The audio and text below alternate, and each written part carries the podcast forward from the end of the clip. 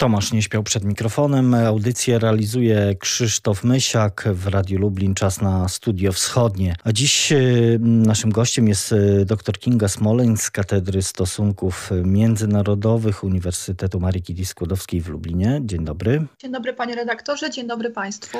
Z którą dziś porozmawiamy o e, sprawie Turcji. Turcja bowiem e, mówi nie wstąpieniu e, Szwecji i Finlandii do NATO.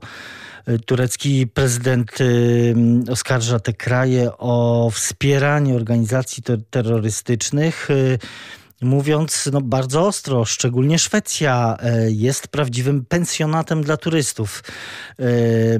Skąd taka na początek pytanie stanowcza rzeczywiście i ostra e, postawa Turcji w tej sprawie? Abyśmy mogli zrozumieć reakcję Turcji na ewentualne e, rozszerzenie Sojuszu Północnoatlantyckiego o państwa nordyckie, powinniśmy pochylić się nad e, genezą i istotą konfliktu pomiędzy Turcją a Kurdami, a szczególnie pomiędzy Partią Pracujących Kurdystanu. Jest to organizacja, która powstała w latach 70 Wyłoniła się ona z nurtu socjalistycznego i co jest istotne, członkowie tej organizacji odrzucają wszelkie, e, wszelkiego rodzaju funkcjonowanie Kurdów w autonomii.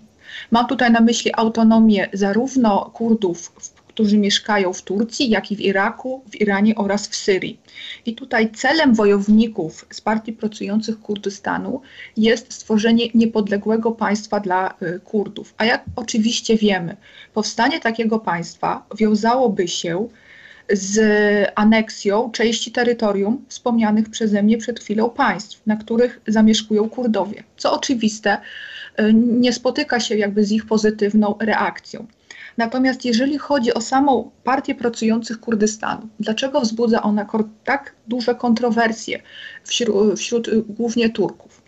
Mianowicie w 1984 roku jej przywódca ogłosił powstanie zbrojne przeciwko e, Turcji.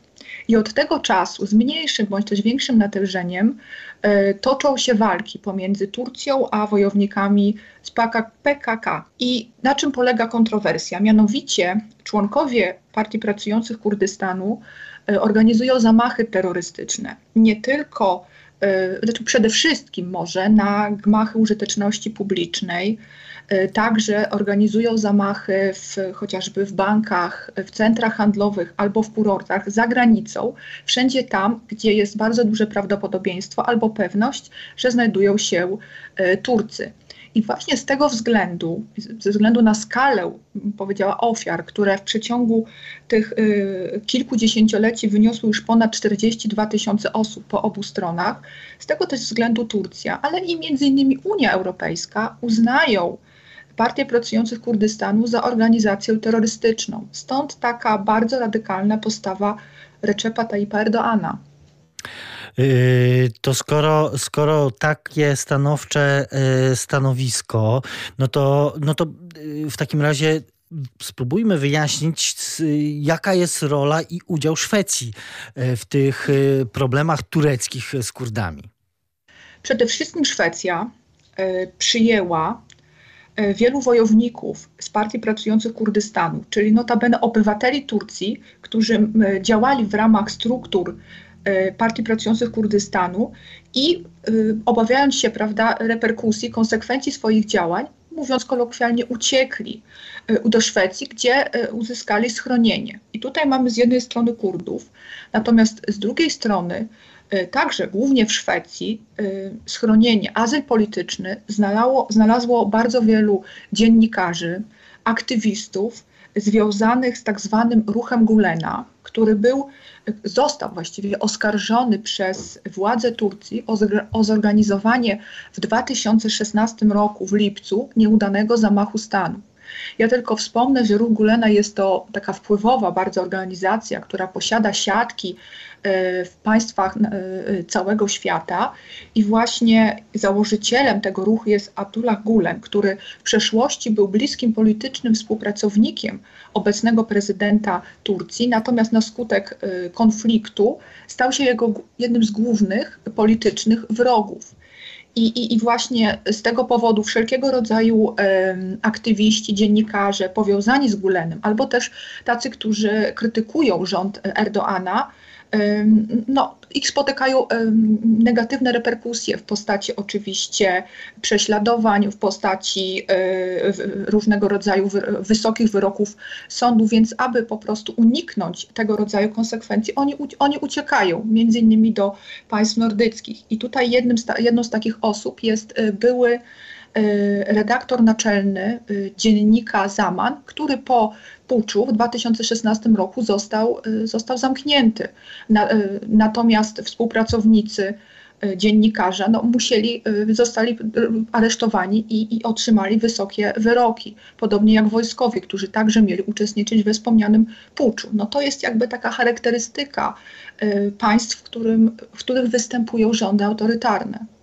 Y, chociaż y, jakby trzeba powiedzieć, że y, Amerykanie czy, czy Zachód, te oskarżenia tureckie pod adresem czy to poszczególnych dziennikarzy, czy, czy osób związanych z ruchem Gulena e, i e, e, Kurdów te oskarżenia odrzucają po prostu, bo dla Zachodu działalność tego choćby ruchu no, to jest mm, działalność prodemokratyczna i walka z reżimem. Prozachodnia i tak. Tak to, sam Gulen ma przebywać na terytorium Stanów Zjednoczonych, o co także wielokrotnie Erdoğan oskarżał swojego zachodniego sojusznika. I tutaj także to jest powód do zgrzytu na linii Turcja-Stany Zjednoczone.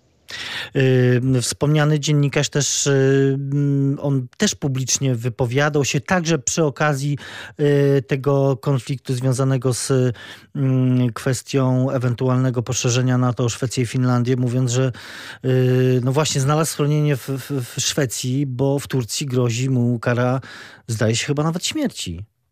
Tak, niewykluczone. Na pewno kara wieloletniego więzienia być może kara śmierci, bowiem Erdoğan już wielokrotnie zapowiadał wprowadzenie i zastosowanie tej kary śmierci, chociaż ja myślę, że y, na razie, biorąc pod uwagę y, wewnętrzne uwarunkowania w państwie, czyli głównie ogromny kryzys gospodarczy, przecież inflacja sięga tam obecnie ponad 70%, to Erdoğan nie będzie w, w, w kontekście tych uwarunkowań chciał, tak mówiąc kolokwialnie, drażnić Zachodu i stosować tej kary śmierci, bowiem Zachód, e, tutaj jeżeli chodzi o sferę gospodarczą, głównie Unia Europejska, główny partner handlowy, e, państw, e, podmiot, z którego napływają do Turcji przecież inwestycje zagraniczne, on byłby, ten podmiot bardzo by skrytykował Turcję i jakby te relacje byłyby bardzo, jeszcze gorsze, a proszę pamiętać, że one nie są łatwe.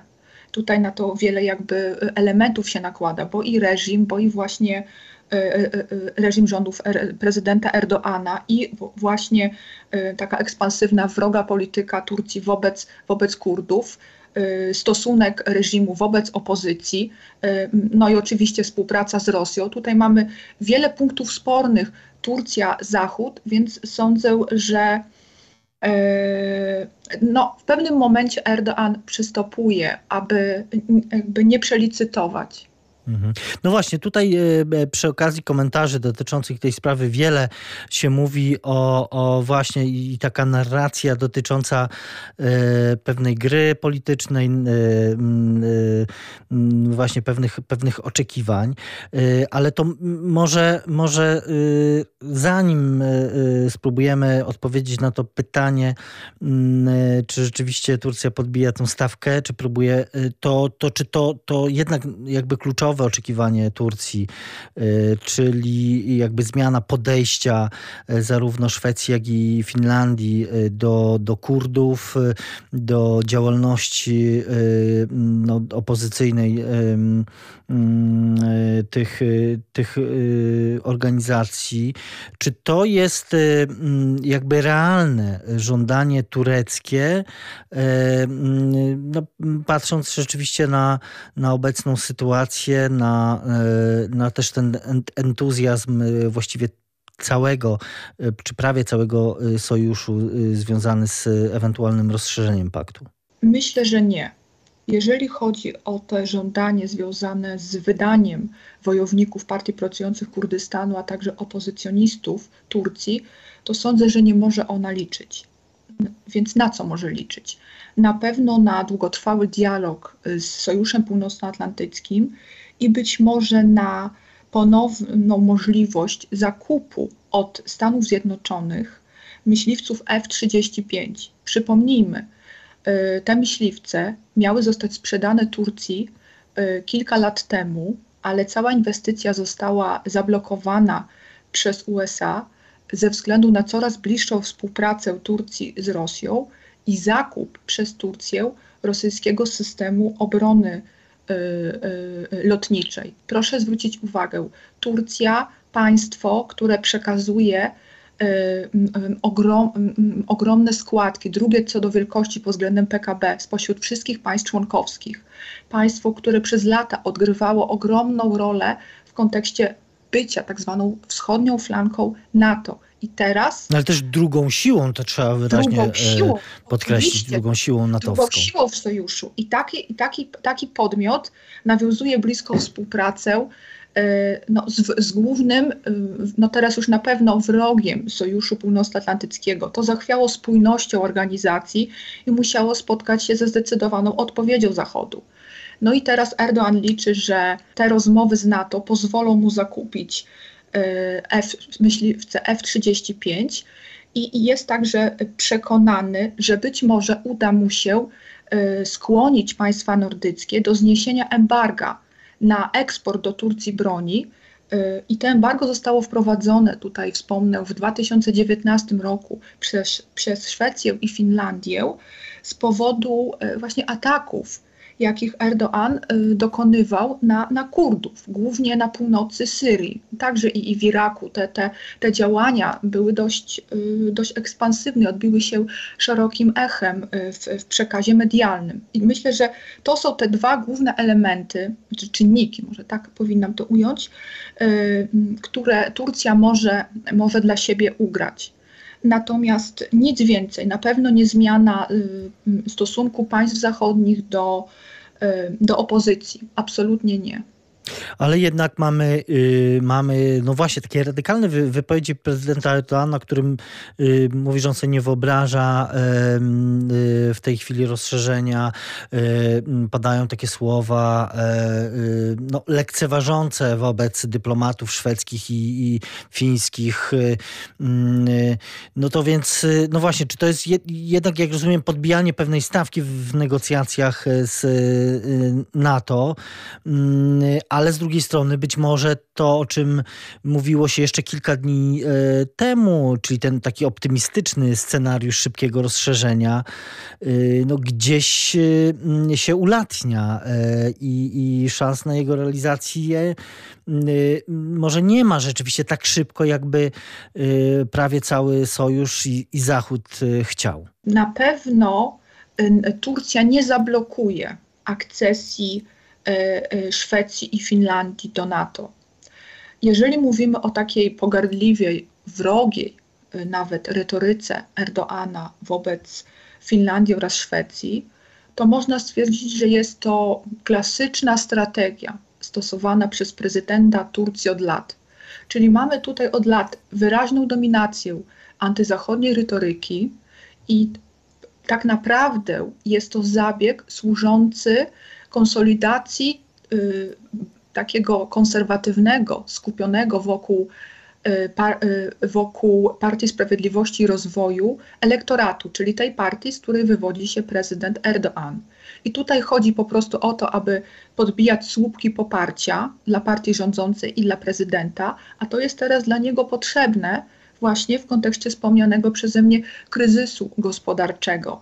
Podbijać I, słupki, y, gospoda- y, y, te słupki poparcia. poparcia, ale z drugiej strony może jednak właśnie podbijać tę cenę, którą y, przyjdzie na to zapłacić za y, to rozszerzenie i większe bezpieczeństwo na wschodniej y, flance, no bo też chyba pamiętając właśnie jak Turcja rozgrywała choćby kwestie podczas kryzysu uchodźczego, kiedy de facto też negocjowała konkretne pieniądze z Unii Europejskiej, strasząc zalewem uchodźców, których no, wypuści do Europy, a stawiając de facto wtedy Unię Europejską pod ścianą. Tak, ale proszę zwrócić uwagę, proszę sobie przypomnieć, że później po podpisaniu tej umowy migracyjnej pomiędzy Turcją i Unią Europejską, Erdoğan jeszcze próbował podbijać piłeczkę, prawda? Czyli mhm. dążył do tego, aby zwiększyć y, pomoc finansową Unii dla Turcji, także y, domagał się szybszego zniesienia wiz dla Turków i, i, nic, i nic nie ugrał. Więc mam wrażenie, że tutaj jest podobna sytuacja. Erdoğan waży, na ile może sobie pozwolić e, i także wie, że nie może przelicytować, bowiem e, tutaj jakby wchodzą nam względy geopolityczne, bowiem Turcja paradoksalnie znalazła się w niełatwej dla siebie sytuacji w momencie agresji Rosji w Ukrainie. Bo jak wiemy, Turcja ma rozbudowane interesy zarówno z Rosją, jak i z Ukrainą, ale przecież i y, z Zachodem. Jest członkiem Sojuszu Północnoatlantyckiego. I, I, właśnie y, w tej sytuacji jakby y, nie ma, są tylko dwie, dwie możliwości. Albo Turcja będzie z NATO, albo będzie z Rosją.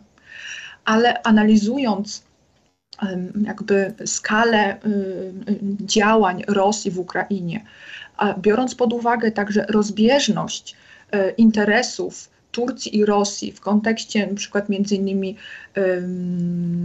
Morza Czarnego, czy też właśnie generalnie polityki e, na Kaukazie, e, to należy zwrócić uwagę na to, że te interesy są tak rozbieżne z jednej strony, z drugiej strony, jakby biorąc pod uwagę to, że Turcja analizuje konflikt w Ukrainie w szerszym kontekście, mianowicie postrzega ten konflikt jako konflikt długotrwały, wieloletni pomiędzy Federacją Rosyjską a Sojuszem Północnoatlantyckim i w tej takiej szerszej perspektywie opowiada się za, za NATO. Dlaczego?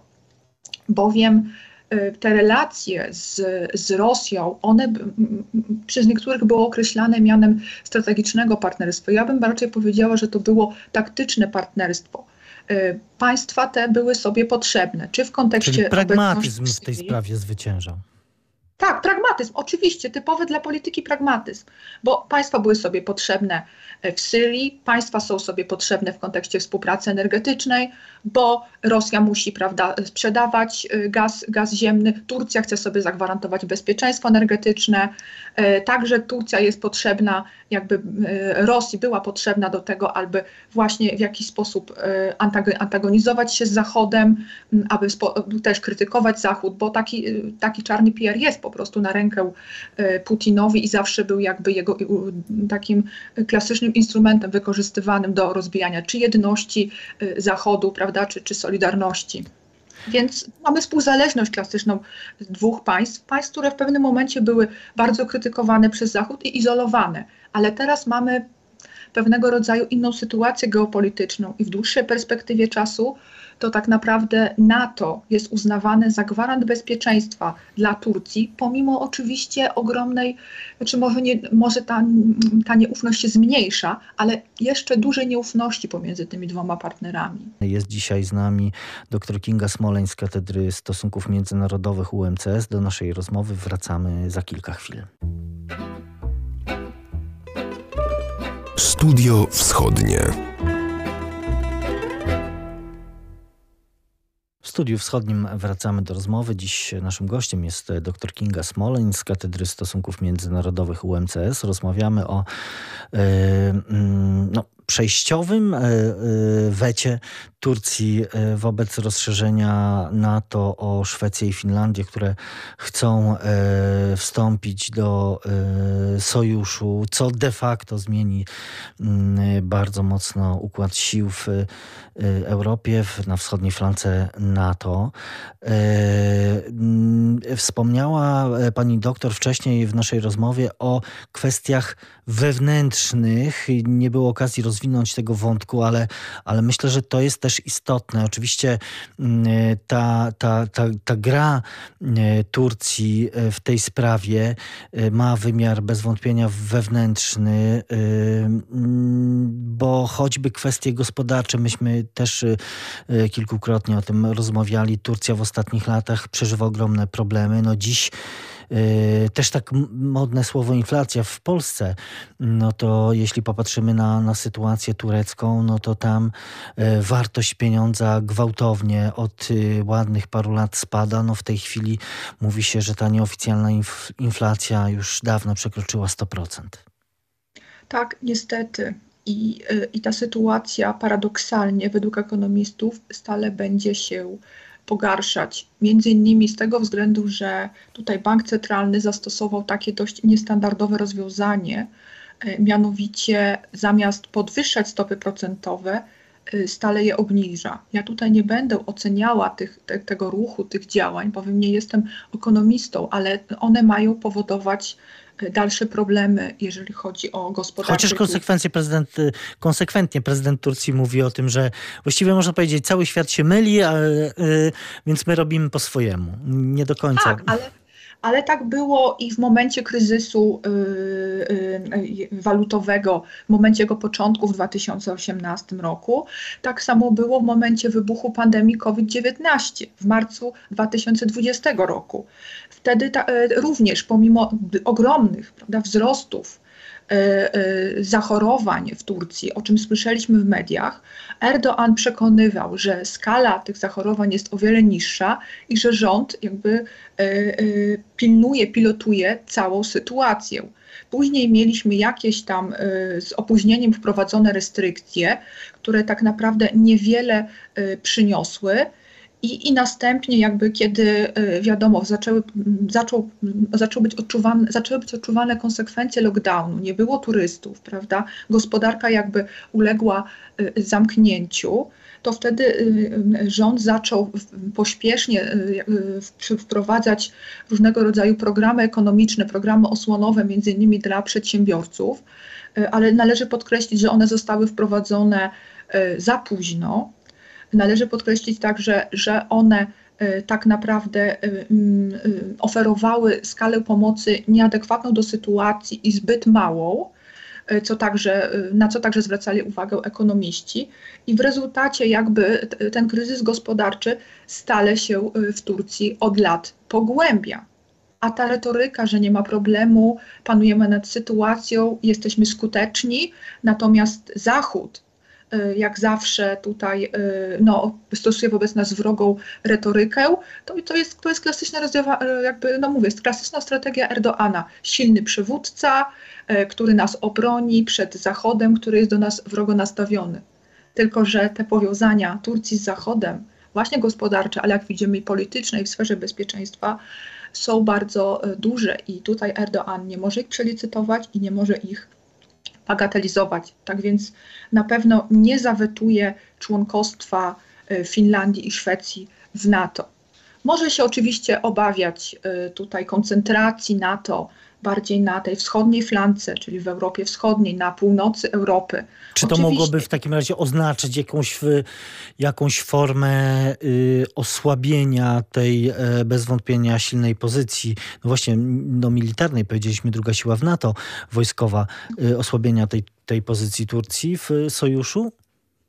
Nie, po rozszerzeniu na państwa nordyckie y, nie, nie należy spodziewać się osłabienia pozycji Turcji. Jeżeli Turcja, tak jak obecnie e, to czyni, będzie wspierała Ukrainę, to pokaże, że jest odpowiedzialnym, wartościowym partnerem i jakby jej wartość sojusznicza będzie wzrastała. Tym bardziej, że y, w ostatnich latach no, nie była zbyt wiarygodnym partnerem. Natomiast jeżeli by zablokowała proces rozszerzenia sojuszu, albo też by go e, bardzo przedłużała, to wtedy może znaleźć się w trudnej sytuacji. Wtedy jej pozycja w pakcie wyraźnie będzie, e, będzie słabnąć. Nie Czyli na, się... NATO może stracić cierpliwość do Erdogana i do, do, do e, takiej retoryki tureckiej?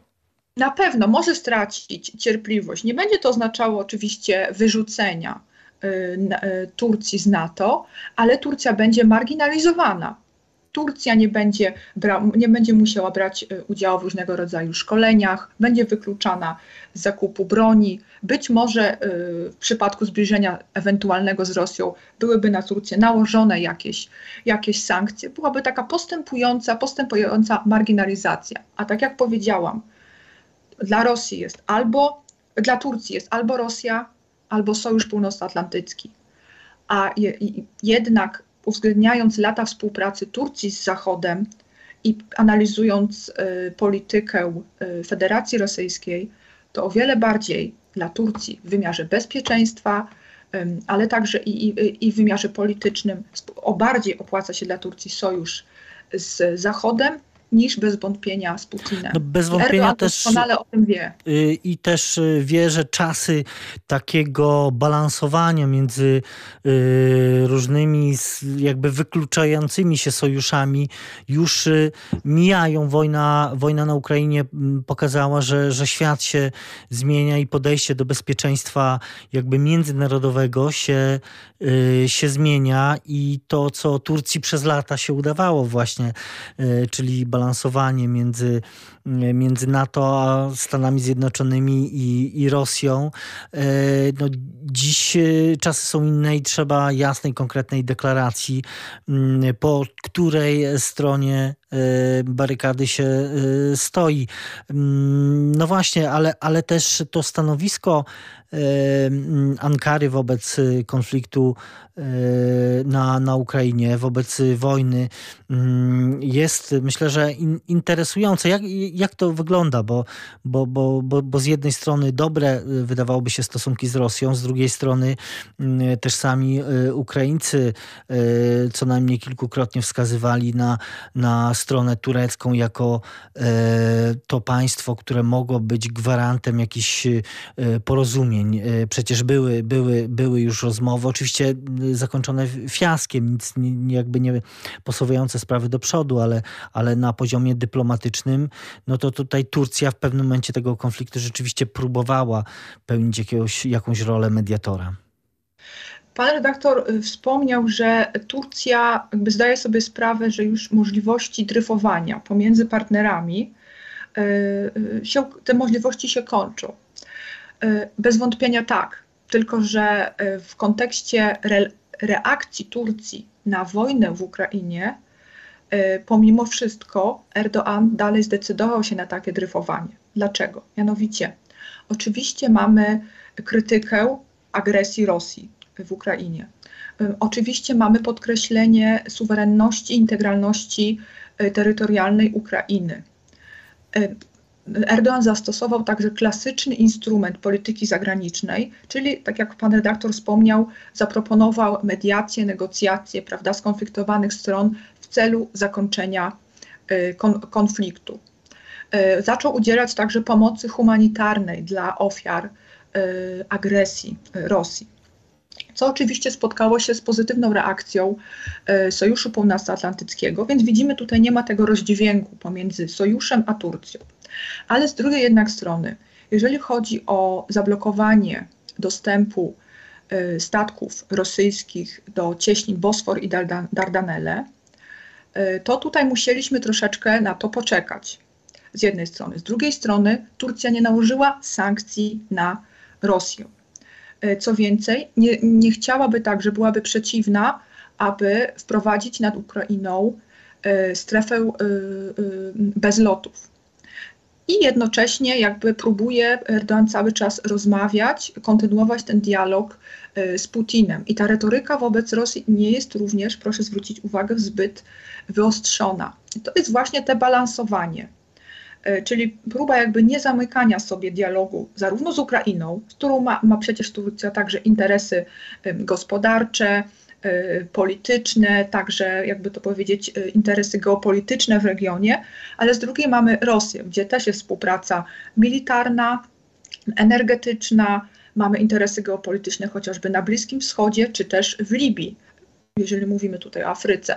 Więc jakby widzimy tutaj takie lawirowanie bo Turcja ma, jakby jest współzależna od Rosji, Rosja jest współzależna, jak wiadomo, od, od Turcji, ale też mamy bliskie powiązania Turcji z Ukrainą i oczywiście relacje sojusznicze, więc te dryfowanie pomiędzy tymi jakby trzema podmiotami będzie występowało aż, aż, aż do tego momentu, kiedy, e, e, e, kiedy jakby Erdoğan no, stanie przed pewnego rodzaju murem i wtedy będzie musiał opowiedzieć się ostatecznie po którejś ze stron i sądzę, że to będzie stosując pragmatyczną, pragmatyczną kalkulację Sojusz Północnoatlantycki.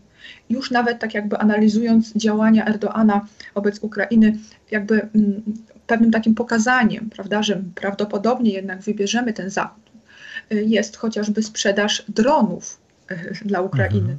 Bardzo skutecznych dronów. Oczywiście mówi się, że nie, że to nie Turcja, że to jest prywatna firma, ale właścicielem tej firmy, mało się o tym mówi, jest zięć prezydenta Erdoana. W związku z tym tutaj absolutnie no, trudno wykluczać, żeby, się, żeby takiego właśnie przyzwolenia na najwyższym szczeblu y, państwowym nie było. nie było. Jasne. Więc te dryfowanie będzie występowało jeszcze przez, myślę, długi, długi czas. Tym bardziej, że cały czas E, Turcja proponuje te rozmowy, prawda? Siądźmy w trójkę, porozmawiajmy na neutralnym gruncie, zakończmy ten konflikt. Tu, jak gdyby Turcji, oczywiście to jest bardzo mało prawdopodobne, tutaj inne czynniki wchodzą w grę, ale gdyby Turcji faktycznie udało się jako negocjatorowi, pośrednikowi zakończyć ten konflikt, to jej pozycja międzynarodowa ogromnie by wzrosła.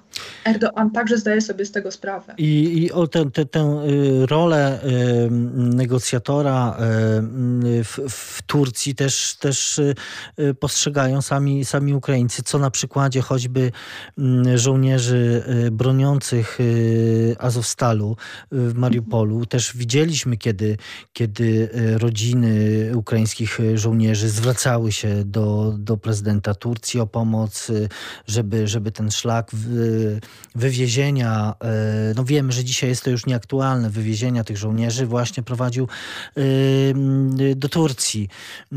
To też pokazuje, że, że jakby strona ukraińska ma świadomość z kolei, że, że ta rola Turcji negocjacyjna też na jakimś etapie może okazać się pomocna. Tak, może być pomocna, bo proszę e, zwrócić uwagę, do kogo zwróciły się rodziny e, żołnierzy. Do papieża Franciszka, do Erdoana oraz do przywódcy Chin.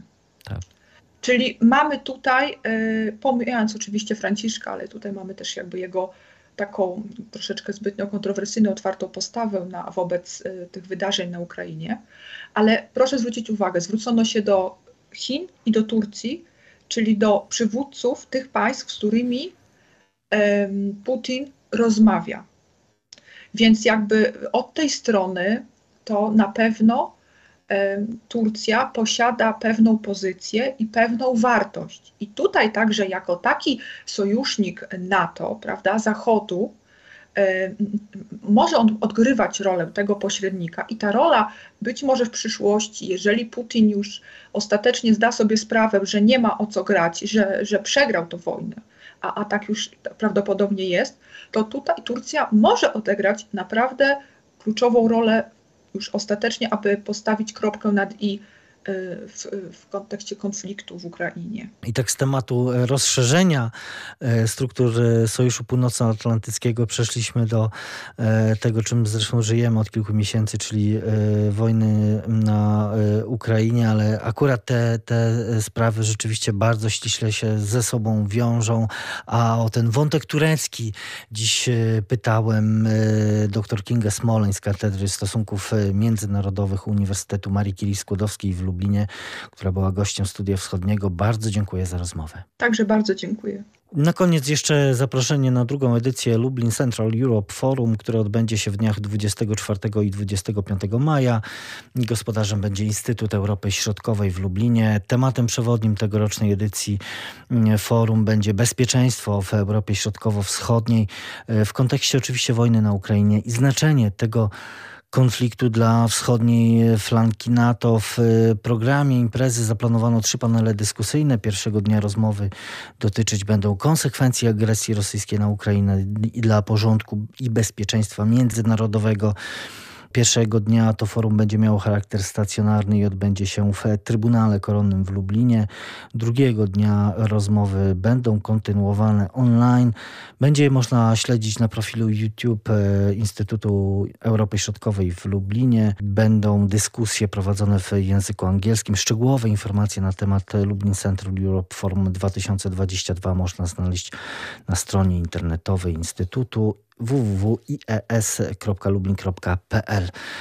I to wszystko w naszym programie na dzisiaj. Za uwagę dziękuję Tomasz Nieśpiał i Krzysztof Mysiak. Studio Wschodnie wraca na antenę Radia Lublin za tydzień. Do usłyszenia w następną niedzielę po godzinie 14.